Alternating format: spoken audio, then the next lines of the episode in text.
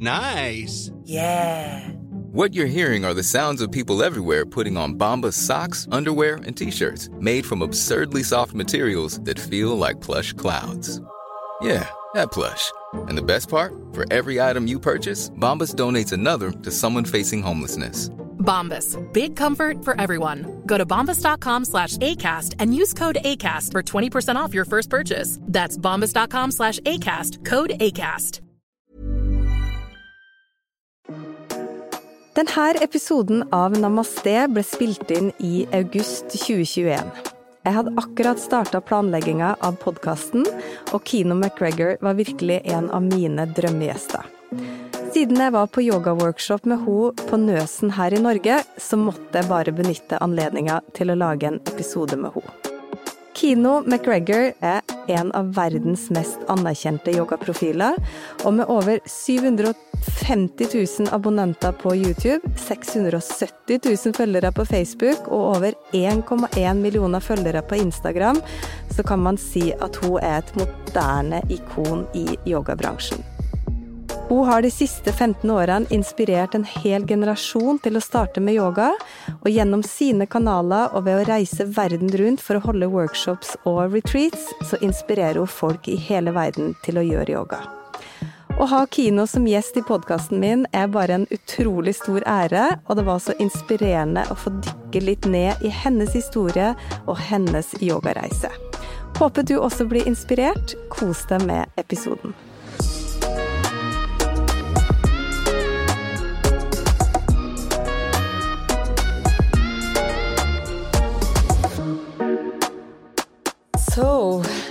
Kino, I'm so honored and uh, grateful that you want to be uh, one of my guests at this uh, podcast. Yeah, thanks for having me. It's a pleasure. And we are at beautiful Nøsen mm -hmm. in Norway. We've spent a lovely week together. And um, what do you think about Norway? I think that Norway is probably one of the most beautiful places on planet Earth, and that Nøsen is really a magical place. And I feel so blessed to be here with this pristine nature in this beautiful retreat space with really good food and really good people. There's just a lot of love and heart that goes into this space and into this retreat center from the students and uh, Alex, who's running it, and all of the staff, and everything here is just really, really so so special. Yeah, because I see you as very uh, happy here. it's so lovely and so relaxed and uh, so humble. But um, you know, it wasn't so easy for you to get in this time. Last year, I know you had to spend 10 days uh, in quarantine mm, in mm. your cabin, and this year, three days in Oslo, stuck in mm -hmm. a mm-hmm. quarantine hotel. Yeah. Um, this seems to be the thing to do to come to Norway is to do some form of quarantine, and uh, we thought that uh, that we thought that we'd sorted everything out about bringing me in without having to undergo the quarantine uh, primarily because the United States vaccination records have not been able to be converted to um, a QR code that Norway recognizes. And Norway hasn't officially recognized the US vaccination cards as an alternative proof of completing the two course of vaccinations. Of course, we're not trying to, you know, get around any of the important COVID rules, but uh, it was a very much of a shock that uh, every other country in the EU, even though Norway's not in the EU, I should say every other country in the Schengen zone is accepting the US vaccination cards, but Norway isn't. So it was kind of a big shock that I had to do the quarantine hotel. And last year, they uh, there was no vaccinations last year. There were no vaccinations. So last year, they uh, had a mandatory 10 day quarantine and allowed me to do it in Nøsen, which was dramatically more enjoyable. and this year, they did have a big system. So I went into the quarantine hotel and spent the three days there. And with the help of uh, many many, wonderful people here uh, at Nøsen and associated with Nøsen, I broke free and tested out on after 72 hours on, on what felt like the fourth day, but was technically the third day. Yeah, and we were so happy that you actually made it up to Nøsen because, you know, it was all on hold for a while. But um, how has COVID? It's been very special year. I mean, year and a half, almost two years. How has it affected your life? I think it's affected everyone's life in some very particular ways. Um, I'm extremely blessed that um, my mom, my husband, and I, although living in the US and apparently in one of the places where, which has been considered a hotspot, so Florida and Miami, at some point, uh, both in the two times during the last period of time have been has been considered a hotspot. We uh, have not uh, ever tested positive or contracted the COVID. Um, however. Uh, you know, Tim's mom did while she was in Denmark, and she actually contracted it while hospitalized for a different procedure, and that was a big scare. So I think that when we take a look at you know the coronavirus it's kind of it's kind of easy to extrapolate and think about it from the sort of broader socio-political impacts and the economic impacts that it might be having on a cultural scale. But i think it's really important to always keep it personal mm-hmm. to say to, to really think about is there someone near me that has tested positive or has gone through a really difficult case or has long COVID or something like that, or someone whose life we were a little bit afraid of at some moment, like like Tim's mom, like my mother-in-law. And in that in that regard, we feel I feel, you know, me and my, my husband, I feel really lucky that we haven't known anyone that's passed away from contracting the virus. We've um, known a few other people in our like our our sort of circle of teachers and yoga students patients that have tested positive, but nobody's had a really bad case of it. Um, so we feel really, really lucky in that regard. But how how has it affected uh, you business wise i mean you were traveling mm-hmm. yogini mm-hmm. yeah yeah. So then there's the then there's that sort of you know a big broader shift of how has it changed the work life right? So i think first comes how do we change our human interactions? And kind of like the first impact was i mean like just on a personal level in regards to travel is that you know i haven't seen uh, you know my in-laws or our danish sort of family in two years and i'm going to see them for the first time. And tim tim only spent a very quick visit to see his mom after she recovered. And so on that level, just on that personal level, it's been really like a big, a big change. On in terms of professional and uh, sort of business level, then there was also a big change and a big pivot because uh, students could no longer travel to Miami and practice in person, and a lot of people do that from all over the world. And we could also not travel to you know a distant city and go and teach there. However, being in the United States, there were opportunities to travel and teach within the United States and opportunities to hold classes both for local people in Florida and also for people in the United States. So we, as teachers, have kept teaching and we moved, we successfully moved a lot of our teaching online, which allowed us to keep touch with our international group of students. And then we became kind of more focused on building community more locally in, in Miami itself and also within, you know, the United United States. So there were a few yoga centers that got kind of provisional opening, and they really wanted to have either Tim or myself come up. And so we went to some smaller cities in the US and, and really just kind of, you know, did what we could do to kind of scramble and make ends meet. In the United States, there's not so much government support for businesses as there is in the most European countries. So um, there were these kind of very strange and arcane kind of bureaucratic ways to apply for some government assistance. And we did qualify for uh, the first round, but not the second round of it. And it was just, it was very, very complex and not really built on, on what your actual expenses are. And in that way, it's been really, really difficult. When Tim and I connect with yoga studio owners across the US and internationally as well, very much so in the US, there are many, many closures. There's some crazy statistic in the United States that's like 50% of small small mom and pop gyms, yoga studios, dance studios, martial arts studios have closed due to COVID, and, the, and they don't know if they'll ever recover or reopen, or if those will just be kind of um, you know usurped or eaten up by the larger companies like LA Fitness or Equinox or something like that. Nothing against them, but it's just a massive shift in the you know atmosphere and the culture of where you do your practice or where you you know get your workout. Yeah, so it's it's been tough for a lot of people, and but I, am I'm so glad to see how the online offers has increased and and because I know a lot of people have followed your teacher trainings and and regular classes uh, online and and um, you have a company called Omstar Official. Can you mm, can you yeah. say something about that? So I'm so grateful for OmStars. Um, we set up uh, OmStars maybe I don't know four years ago, and over the last year, it's really felt like the foundation that I'd been laying in creating really good, authentic teaching in an online space really started to find uh, a need in yoga students all over the world. So OmStars was built out of the idea of taking the tools of traditional practice to people all over the world. The idea being that maybe not everybody is going to go spend six months or six years in India in search of, you know, the master of this tradition or the master of that tradition, but it is possible to bring depth, integrity, and true teaching to interested students. And that was always the kind of driving impetus behind creating OmStars and to provide tools for yoga students to support their whole journey in the tradition.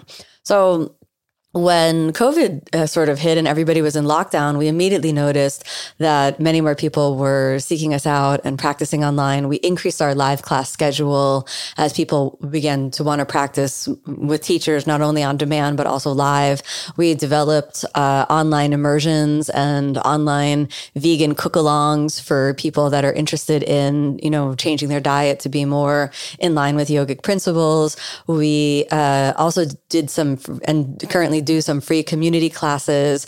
We've also expanded our online offerings to include um, seminars that enhance the uh, sort of spiritual self inquiry aspect of yoga, including everything from you know discussions of, um, uh, uh, uh, about the intersection of social justice and the uh, spiritual path to astrology and tips for the new year. So it becomes just a really a community space where people can gather online and connect in with their fellow practitioners as well as find the tools to support daily practice. And that has been just really amazing to see that that the dream is starting to come true, you know, as more people get comfortable and turn to practicing online.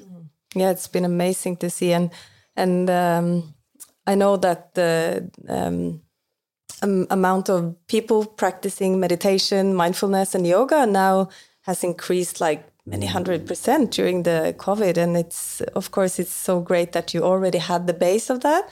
So you could offer uh, in this very hard time for a lot of people.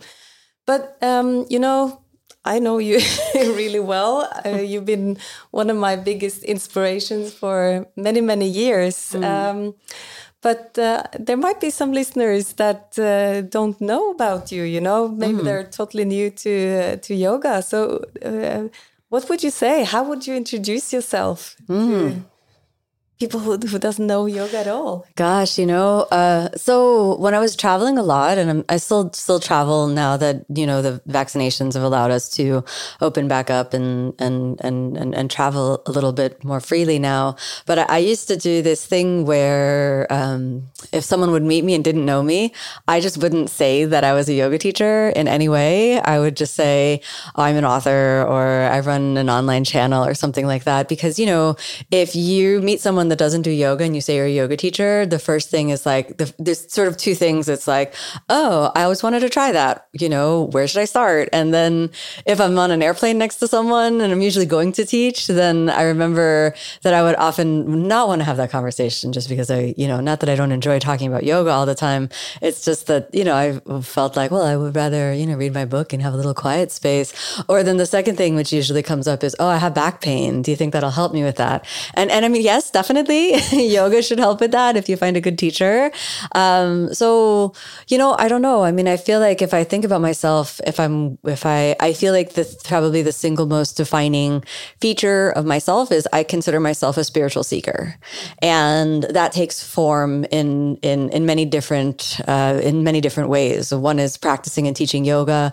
Another is uh, my daily sitting practice. Another is just pursuing uh, inquisitiveness and study in every in every available channel, whether it's contemporary science or even religious studies and sacred sacred scripture. That that that is very much a driving theme uh, uh, that, that that that that kind of guides everything that I do. Is this sort of this questing, this seeking for for for truth, for the true self, for something which is beyond our everyday existence. So then from that, there have been numerous ways that have led me to want to serve. So my husband and I have a yoga center, created OmStars. Um, there are some things which I think are fun that range from, you know, creating a mat or partnering with different brands in the yoga space. But, um, you know, for me, the essence of, of kind of who I am, I think is a spiritual seeker.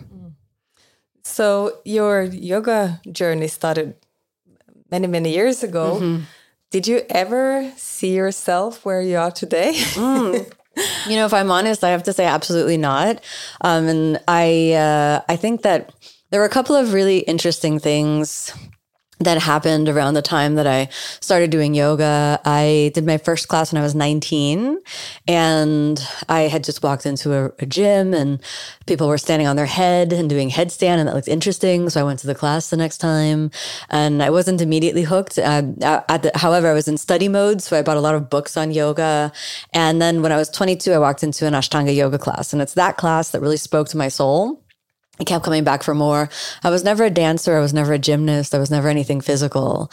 I thought that I needed to kind of go to school and get a job. Like that's kind of where I thought the trajectory of my life was going. So I never cast the, I never cast into the future and saw myself as a yoga teacher. I always saw myself as a student.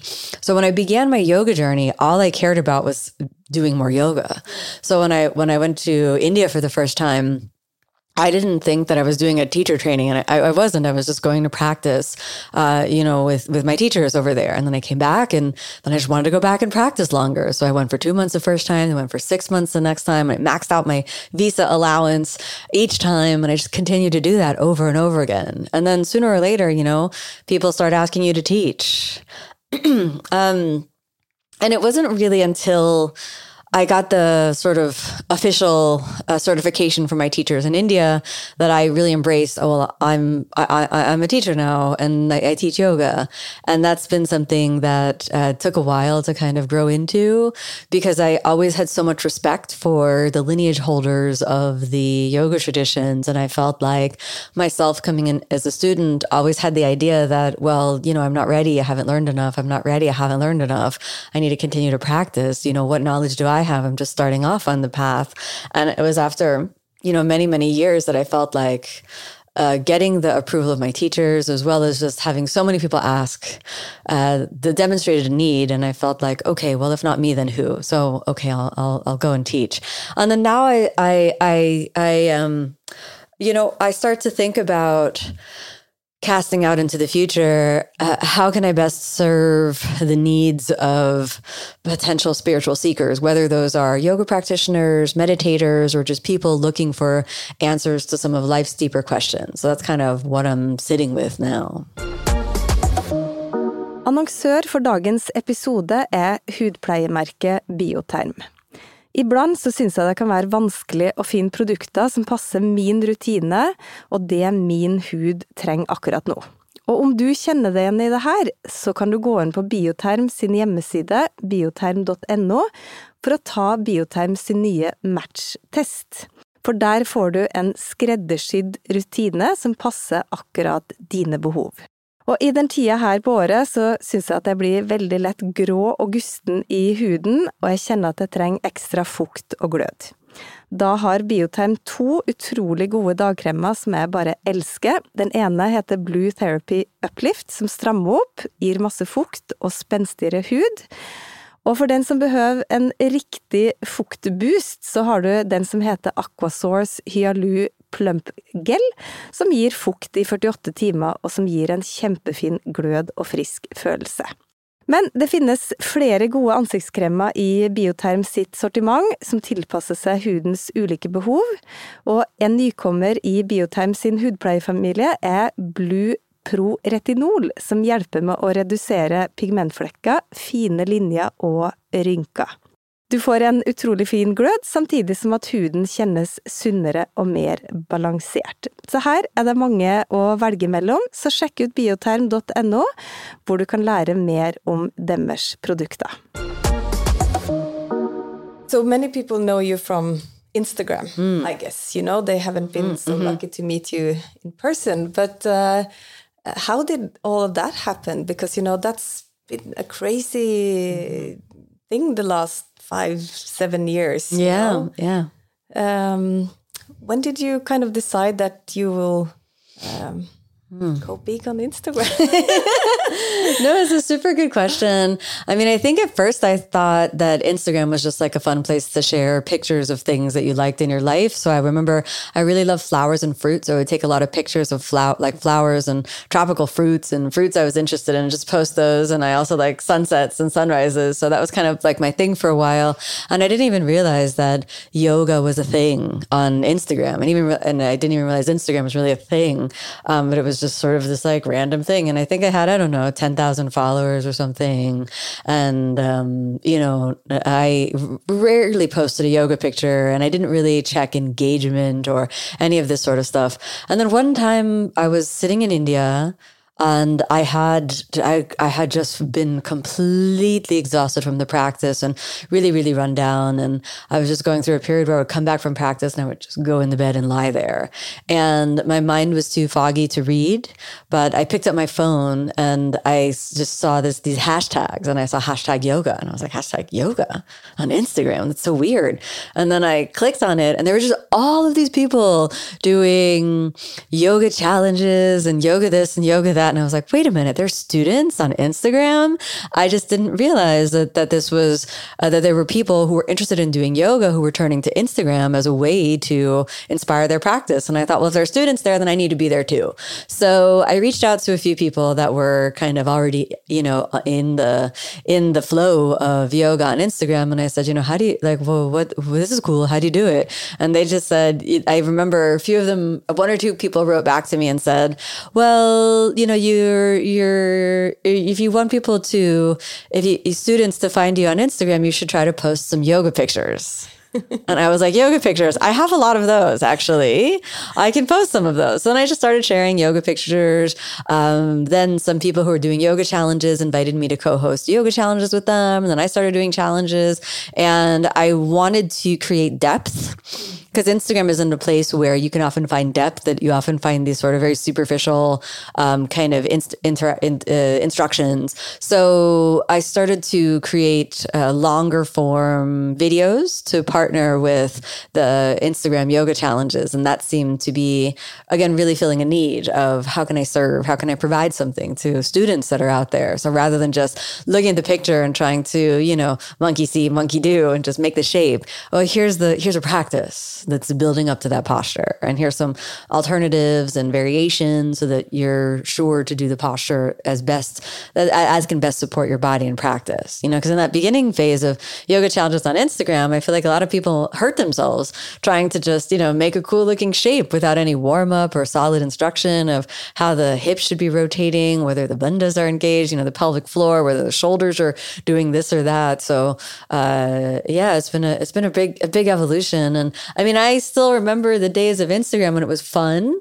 Um, and then now I feel that since Facebook uh, kind of purchased Instagram, I, I, do feel that there's a little bit less fun mm. involved in it, you know, and that's that's unfortunate. And I try not to get down on it. I still try to appreciate it for the ability to connect with real people and students that are potentially practicing all over the world. Um, I'm not sure I trust Facebook that much though.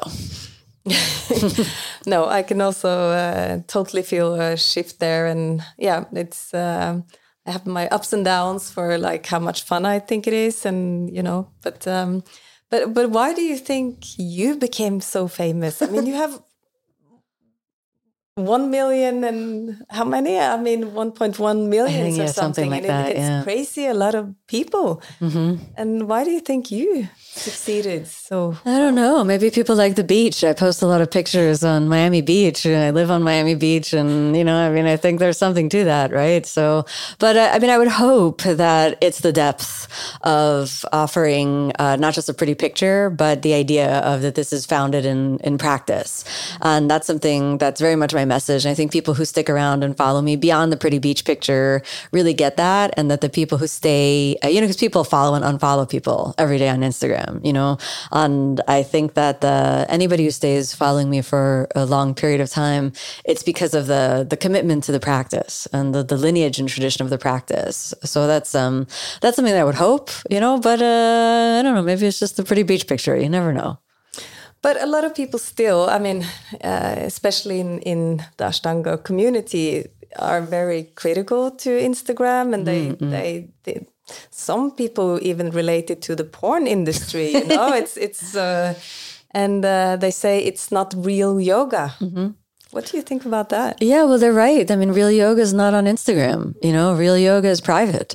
It's something that's an inner journey and that you need to experience for yourself. And if you're only performative in your yoga practice, if you're only practicing when there's someone's watching you, then it isn't real yoga. So they have a point.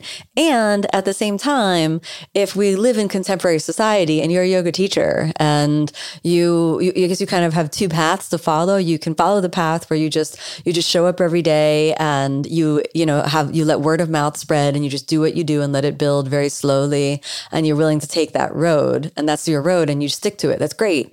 Um, if you have the luxury of being able to wait that long before you're economically sustainable. Uh, the other hand is if you know i personally like taking pictures. I think it's fun. I love beautiful pictures. And i know it's not my practice you know so i'm able to make that distinction in my mind. Uh, at the same time i also know that there are many people out there like uh, that that like I was sitting in a bed in you know a foreign country and wondering about this or that, and then you know you get that moment where you're like, hmm, I wonder what I should do. Maybe I should do yoga. Hashtag yoga on Instagram. And if there aren't real teachers that are also on Instagram, then that person might be led down a really destructive path. So I think it's important to recognize it for what it is. It's like, you know, an advertisement for coming to the path, coming to the practice. But it's up to the students to get off of social media and get onto their mats. And I think that to use social media as a bridge to bringing people onto the mat is, is the best way to use it. But it's definitely definitely like real yoga doesn't happen on on you know on anywhere public, right? It's internal. Mm. And I feel that's really that's a really important thing to say. And you don't need to throw it all away. Mm. To use a tool for what it is is is extremely important, you know. And then we have this question, and I think there there's like a couple of different questions we can unpack in there, which is kind of who is the arbiter of what yoga is.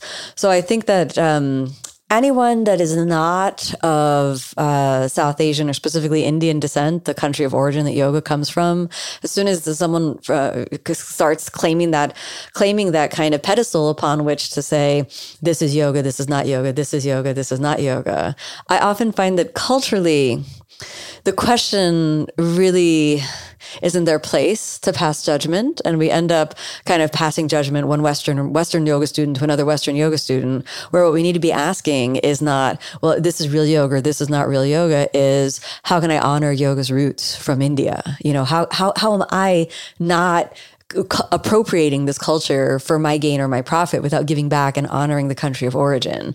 So, so that's I think a bigger, uh, uh perhaps a more relevant question for Western yoga practitioners and teachers to think about, rather than pointing a finger at each other and saying, "Well, you know, you did it in a bikini and you you did it on a beach, so that's not real." It's like, well, wait a minute, what are we practicing? Where does it come from? And how are we how are we looking back to um, you know to to India? The, the second thing that I think is worth unpacking is this question of both commodification and sexualization and even fetishization of the female body in not only the yoga space but fitness spaces and wellness spaces. And this is this is a question that I think we do need to sit with and you know, one of the things that I'm I'm I'm, I'm in favor of is doing things consciously. So if you are conscious and aware that you are intentionally sexualizing something or you're putting yourself out there in a very particular way to be fetishized. This is a conscious thing that you're doing. I don't know if people are always conscious. So there, there are these unconscious biases that we're kind of fed through mainstream media and, and, and, then get into our bones and kind of work almost as a, you know, no pun intended, a virus in our system. And I, I think there is a danger to unconsciously perpetuating some of these biases, whether it's a commodification of, you know, a, a, a sacred practice or whether it's, you know, the sexualization or fetishization of the female body. And that that is something I think that yoga practitioners, particularly women or anyone in a position of power that is going to be putting imagery out there, whether it's a print uh, image or a video image or a social media image or something on a website, I think I think it really does matter, and we can we can we can spend some time thinking about that so that we can you know be conscious of what we're perhaps doing unconsciously. Mm. Well, I just got a, a, a little wake up call the other day because a friend of mine, she she had seen her son of 12 years uh, liking my picture and she she um, screenshotted the the the Instagram picture and, and she sent it to me and she said, Oh, I think you have a fan. My son is following you, you know? Mm. And then I was like, Oh my God, you know, that was when I, you know, consciously started, am I doing putting out the right things, you know, because, mm -hmm. you know, you have a lot of people um, following different people and you can affect them in different mm -hmm. ways. So I was like, okay, I have to be maybe even more. I, it's not that I think I post uh, wrong pictures, but you know, sometimes it's only wearing a yoga tights is enough for people to, mm -hmm. you know. So it's um, yeah, it, it, was it was a little wake up call for me yeah. to uh, just a reminder that mm -hmm. There are a lot of different people following mm, you. Yeah, there's a 12 year old boy, and him liking your pictures, crafting the image of the female body in his mind, and what femininity is, and what the you know what what what a successful woman is, and what what what what, what womanhood is in his eyes, and you know uh, this is this is making an impact, right? So it's consumption of an image, the formation of unconscious biases that are getting laid in the fabric of of a you know of a, of a young human being, mm. and whether that human being is male, female, or any gender gender, uh, it's uh, it, it's something to really consider and think about, you know. And, and and of course, you know, once we go down that rabbit hole, you could go down that rabbit hole and never do anything ever again because everything could be wrong, you know, in one way or another. So I I, I think it's this, this consciousness of just okay, well, what was this about for me? And I think it's also okay, you know, if we want to be sexy for a moment, like that's also okay to embrace that. We don't we don't have to say, okay, we're doing yoga, we're gonna, you know, um, be extremely chaste and you know always wear head to toe covering and this kind of thing because it's it's also okay to say you know I want to feel sexy today you know I want to I want it's been a long time since I've put on high heels but that's more comfort than it is you know feeling a particular way. Um, you know and you know trying to do some yoga postures where you need long Achilles tendons for and then high heels aren't great for that. But but but I think it's it's it's a it's an interesting thing to sit with right? Like I still want to still want to feel good and look pretty for myself, you know, I don't necessarily need to do that through the male gaze, but I want to I want to feel good in my body. I want to feel I want to feel good. I want to I want to feel like I I show my self-respect to myself and how I dress and how I hold myself. And at the same time, you know, that's okay. Hmm. But um how do you maintain a, a deep spiritual practice? I know that you have studied for many years and you hmm. have a like you said, it's the inner journey. And but how do you uh, ma maintain that when you're traveling and also being like one of the most famous influencers mm. in the world? It's how is that? First and foremost, I think it's about being a student. So I take time off each year to go and be a student. And there are two ways that I do this. I'll make time to go back to India and study with my teachers in India to keep that kind of cultural immersion, as well as just the dedicated time as the student. So I'd love to be in a place where when someone comes up and says, you know, I have a pain in my back. Do you think it's okay if I practice tomorrow? I can say, you know what, I really think you should go talk to our teacher about that because I'm not the teacher now. So I can advise you to build, you know, your own relationship relationship with, you know, uh, my teachers that are there. And then, and then, you know, I think that for me, that's great because I want to be a student, you know, and I love that. And then the second thing that I do is I, I sit Vipassana and I've been sitting Vipassana for almost for 20 years or so now. And um, I try to sit a course, you know, once a year, once every 18 months. And this uh, really helps me uh, just strip away the ego because, you know, you go sit the courses and you, you check your phone in and you leave your keys and you know it's kind of like you you check yourself in and there's no reading no writing no social media no thinking no identity no ego no self just you know just sitting mm. and that's really really special i just have to um, because you know maybe not all of the listeners mm. know what uh, vipassana is. Can, mm-hmm. you, can you just? Um, yeah, absolutely. So vipassana meditation comes from the teaching of the Buddha, and it was a uh, it's a very particular style of vipassana that I sit. Vipassana translated from the Pali language to English means insight.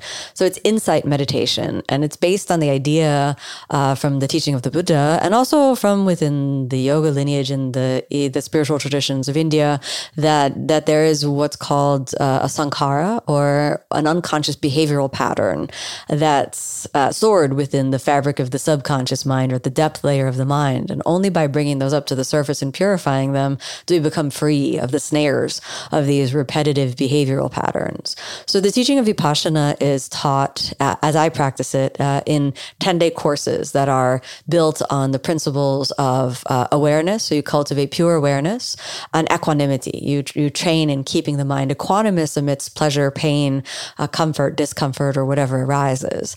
And we begin uh, the course with practicing what's called anapanasati or inflowing, outgoing breath awareness. And this basic teaching is the foundation of every single mindfulness training that you will find in the Western world. Everything from um, what's called mindfulness based stress reduction that was popularized from, I think, Harvard University uh, in the United States to just the casual everyday mindfulness trainings that you'll see in, you know, corporate structures and things like that are pretty much all rooted in this very traditional teaching of bringing your attention to your breath. And this helps calm the mind. Once the mind is calm, then we learn the technique of vipassana.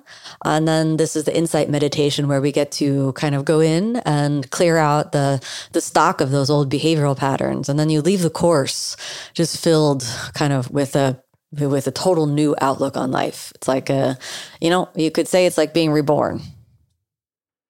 So that's that you do uh, every 18 months or something. Yeah, something yeah. around those time. Yeah, I, I make it. And yeah, and it's a lot, you know, because you've got to commit to, uh, not everybody can do it because, you know, I'm right now, I don't, I don't have children and I'm able to get away from my work. And so, so, so some, so some people will have a harder time with those 10 days of total, um, you know, uh, silence and detachment and living like a recluse uh, in a meditation cave. So, you know, so for some people, it takes a, a, a, good amount of time to kind of collect all of your work days and uh, sort out all of the help from the family to watch the kids for that period of time.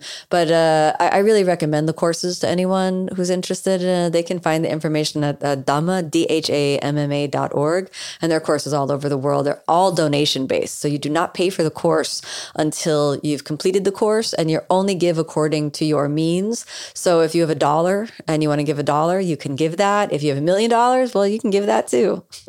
Great. I haven't tried that yet, uh, actually. So uh, it's it's on my list. Yeah. maybe when the kids uh, get a little bit older. Mm -hmm. um, but when you're traveling, I mean, mm -mm, most right. of the year you you go around the world and and mm meet students and like this week you know I, have experienced to actually spend a lot of time with you mm -hmm. so how do you maintain your own practice and mm. the spiritual practice uh, when you're traveling? So I mean, I, I it's discipline. So you learn discipline, and then I just I've been getting up at five in the morning to do my sitting practice before teaching. After teaching, then I do my asana practice, and it's really for me that I have to keep those. If I'm teaching, I do those. Uh, I do my asana practice, I do my meditation practice. And then there's a balance between I make sure I go to sleep in a reasonable time so that I'm rested. I also make sure that I have silence throughout the day because I do get full sometimes of just interacting with people and i do sometimes feel like okay i really need to just uh, be by myself for a little bit and so that's that's something i've, I've managed you know i'll just uh, maybe sometimes take a meal by myself or go for a walk or just go back to the in my private space and just uh, you know stare at a wall do another meditation read a book mm. those sorts of things are really really really nice mm. um there's one thing I want to ask you because, you know, I'm getting older. and even though I've done this uh, Ashtanga practice that we do for a long time, um, and I know a lot of my friends and um, ladies around the world, um, you know, I, am a little bit concerned how I'm gonna grow with this practice. Mm. You know, uh, uh, yoga and aging. Mm -hmm. I mean, um, suddenly you're into menopause and mm. uh, um, how how what advice would you give to to women in Mm-mm. I mean, you're not there yet. Yeah, I know. so I know you don't have the experience, but I, I, I maybe you have some thoughts, uh, thoughts. yeah, it. well, I mean, I think practicing over a long period of time is like any relationship. You know, it goes through phases. You know, if we think about anybody that's had a long term relationship with a life partner, you know, the first honeymoon period, well, you know, that ends. And I think the same thing's true with the yoga practice. We go through some kind of honeymoon period with our yoga practice, and then there's a, a practice that suits us for this stage, a practice that suits us for this stage. And I think it's not only age related, but also life circumstance related. So I've had students and myself as well when, you know, you have a sick or, or, or, or a sick family member or someone who needs a lot of care. It could be a newborn baby, an aging parent, or, you know, a disabled family member or child that needs a lot of care. So suddenly the practice, the physical practice begins to be kind of secondary. And it's important to embrace that during that period. So I think that in the same way as I've seen students uh, age through the practice uh, and myself as well, I started when I was 19. I'm far beyond 19 now. You know, I've been practicing for, it's been in my life from like around at this point, like 20, 20 to 20 some odd years. And uh, I think it's super important to recognize that the body changes and to not hold the standard up to what I did last year, what I did when I was 20, this kind of thing, but really to go in and treat it as fresh and spontaneous every day. This is the body I have today. Mm. This is the practice that I have today. This is how I'm going to work my breath today. This is how I'm going to work with my body, building sensations, working awareness and equanimity today. This is how I'm working with my mind. This is the mind I have today.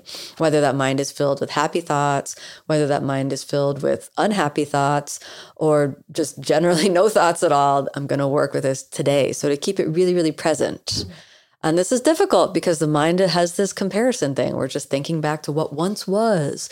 So it's a good it's a good lesson. Change of any type is such a good lesson. Hmm.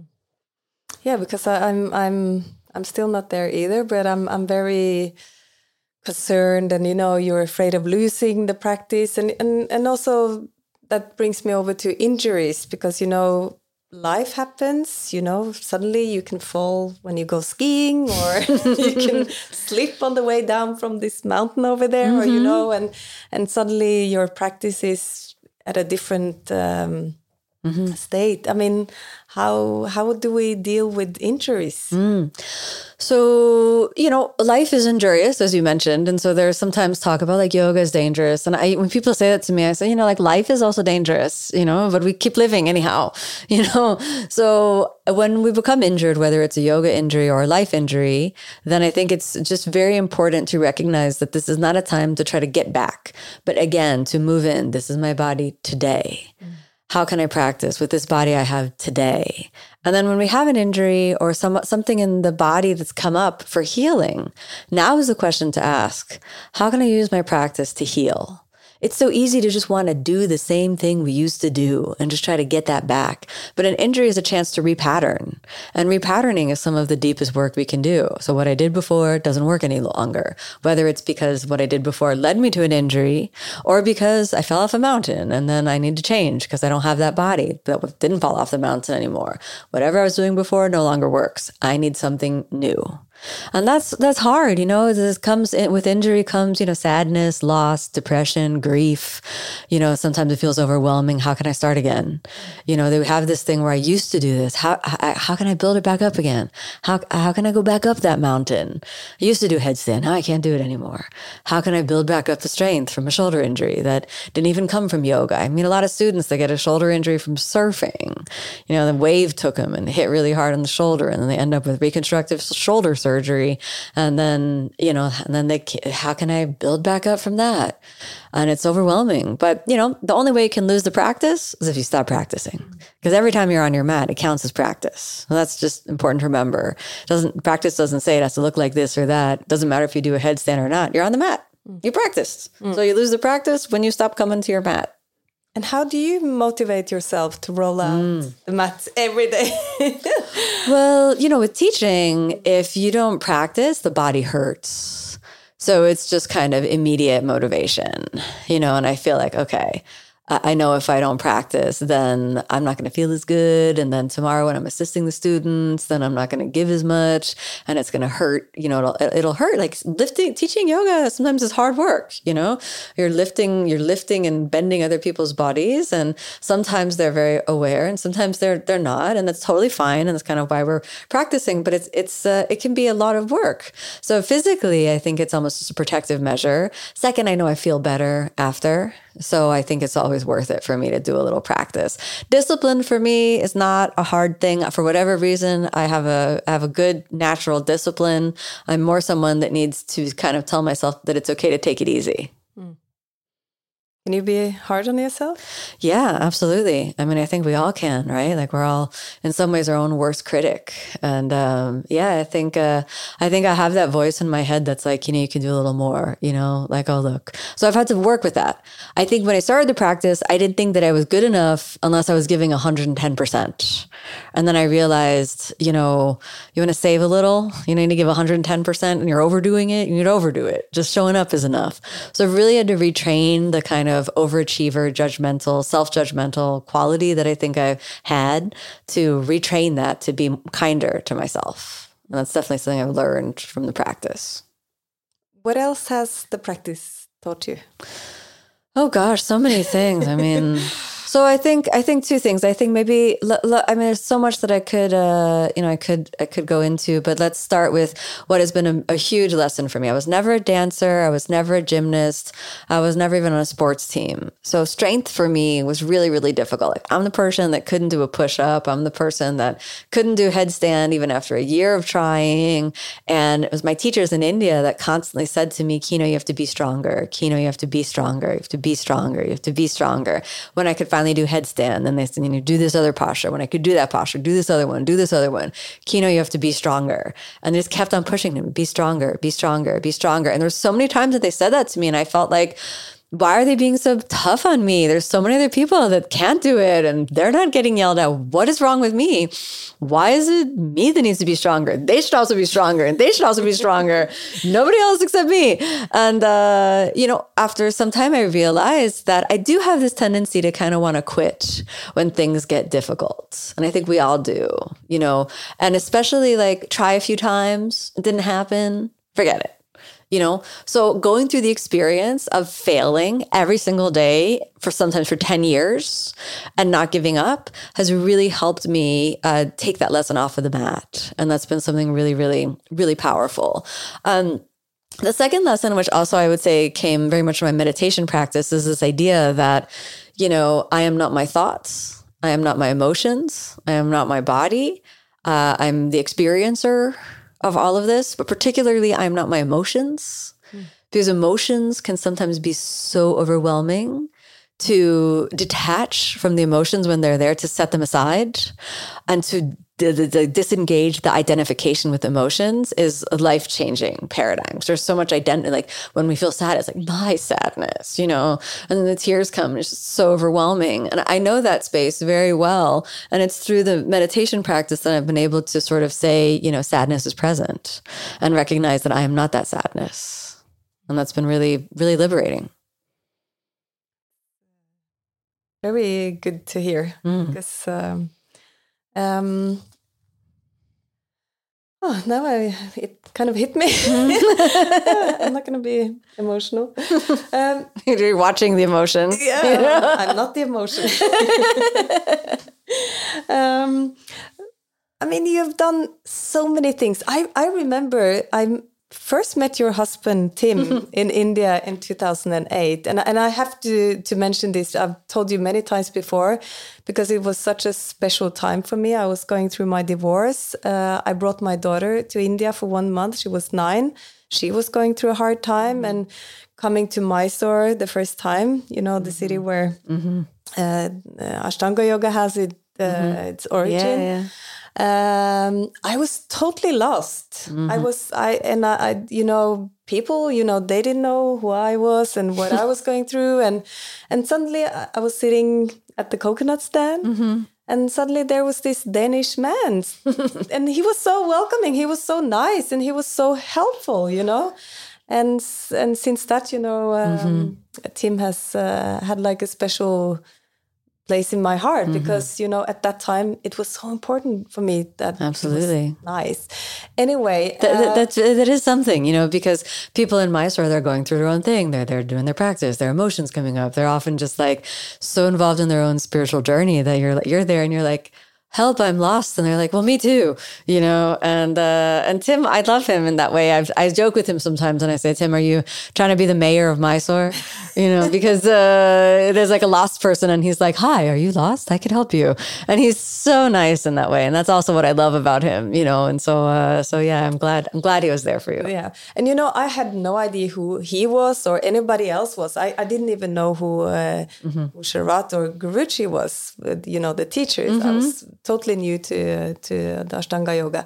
Anyway, so so after someone told me that yeah, he's married to to this very famous yoga teacher in the states, and I was like, oh, who, you know? And then I remember seeing you on the front cover of uh, a yoga journal, mm -hmm. and uh, so you know you've done so many things. I mean, accomplished. Uh, but what are you most proud of? Yourself? Wow, gosh, I mean that's a really, really good question. I mean, I feel like I'm most proud of all of the students who are practicing. And I think that's um, that that that's really important to to to see like wow that that the practice has grown so much and that there are so many so many students who have really come to the the tradition and expanded the tradition and grown it because you know my very first trip to India there were probably you know at, at the peak there were 40 students. And then at the low there were like 12 of us practicing. So to see it expand and grow i feel just so proud of all of the students who continue to show up and practice and practice and practice. And that's meaningful because i feel like without the students then there's no yoga. You know then you could have this amazing yoga practice but no one's doing it. So it's really it's the students. But do you ever think about your role in this that you've been such a big inspiration for uh, what yeah. does it mean to you to be uh, such a big inspiration for so many people. Well, uh, yeah, I mean, I, I, think the it means it means a lot when I hear that that I have made an impact on someone. So every single time that someone says, you know, I started yoga because I saw a video of yours, I really let that in, and then it inspires me to keep making more. So it's sort of my fuel to keep going. You know, on days when I feel like, oh, and I do get a lot of like random, you know, like negative stuff that anybody who's in any sort of public sphere does. You know, everything from like, ew, you're ugly to, you know, like, ew, I saw a cellulite in your last posture, or anything from, you know, I don't like your voice to things. you know, like people just send like nasty stuff on the internet to, you know, you seem stupid, or I don't like that you got the vaccine. And that was like a whole other thing. It's just, it's like everything can be turned into a controversy, you know, so then there's, there's, there's a lot of that that kind of goes around. And i feel that you know uh, every time i get a message from a student that says like hey uh, i started the practice because of you then that that means a lot to me. Or you know you inspired me at a difficult time or when someone says you know i i come and practice you know with your videos every day and it got me through a difficult time then that that, that really means something. Or when they when someone says that they come to check in on you know like my spiritual teaching or do a meditation with me or something like that then I, that, that's fuel for me to keep going going. So when I hear those positive impacts, it's it's sort of my motivation. So in the way it, it kind of completes the circle. So I give and then I see some impact of the giving and then it inspires me to keep giving. And so then then I keep doing it and then yeah, it grows. Yeah, you know, even here up at Nøsen, uh, you know, in this remote place in Norway, there are, there are people from Belgium and France and I mean, even the USA. Yes. and they come here just to practice with you. I mm -hmm. mean, it must be yeah. Um, impacting you in absolutely yeah. absolutely totally it really really does it's very very meaningful mm. and it gives me the motivation to keep going but um, um, if you were to give like one tip, I always want to end this. Uh, I, I, could have talked with you for hours. yeah, I, I, just hope I get the chance to to have more conversations like Definitely. this with you. But uh, uh, we're gonna end now, and and um, what would be your best tip to give to to someone? I mean, maybe it's two tips because to someone that has never done yoga before, mm -hmm. or to to like a regular practitioner. Yeah, so someone so someone who's never done yoga before, just try. So this is extremely important. You don't need the right size or the right shape. You don't need to be a particular, you know, look or anything like that. And you don't need to be flexible to start. In fact, the less flexible you are, the better you're going to benefit from the practice. So number one, just start. If you don't feel comfortable going to a yoga studio, then do some online classes in, you know, in your home. Put on a video and just do do the best you can. Do not feel like you need to be good right from the beginning. So just start and accept to be a beginner and realize, oh, I'm not going I shouldn't be good at this. I should be really bad at this for a while. And if you are good at something, great, let it in. But but just start. Just start and and and recognize that you don't need to be good at it from the beginning.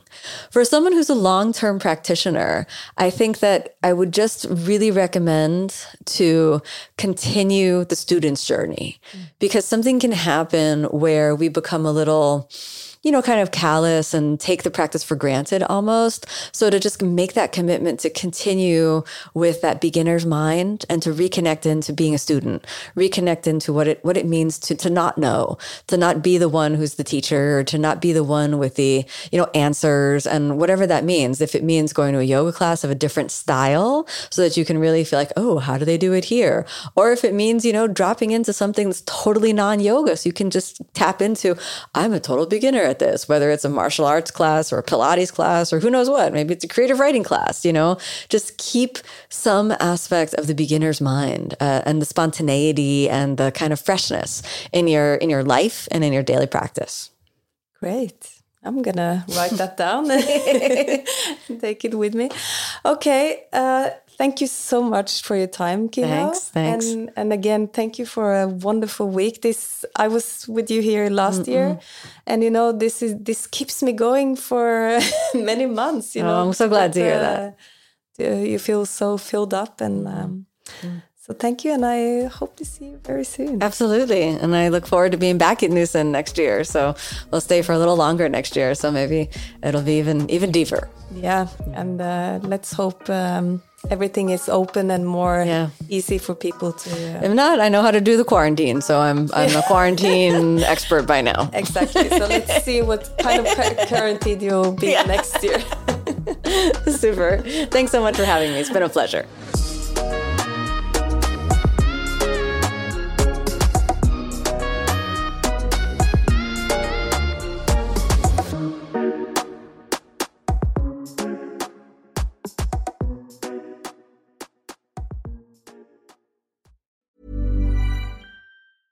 Hey, it's Paige DeSorbo from Giggly Squad. High quality fashion without the price tag. Say hello to Quince. I'm snagging high-end essentials like cozy cashmere sweaters, sleek leather jackets, fine jewelry, and so much more. With Quince being 50 to 80% less than similar brands. And they partner with factories that prioritize safe, ethical, and responsible manufacturing. I love that. Luxury quality within reach. Go to quince.com slash style to get free shipping and 365 day returns on your next order. Quince.com slash style.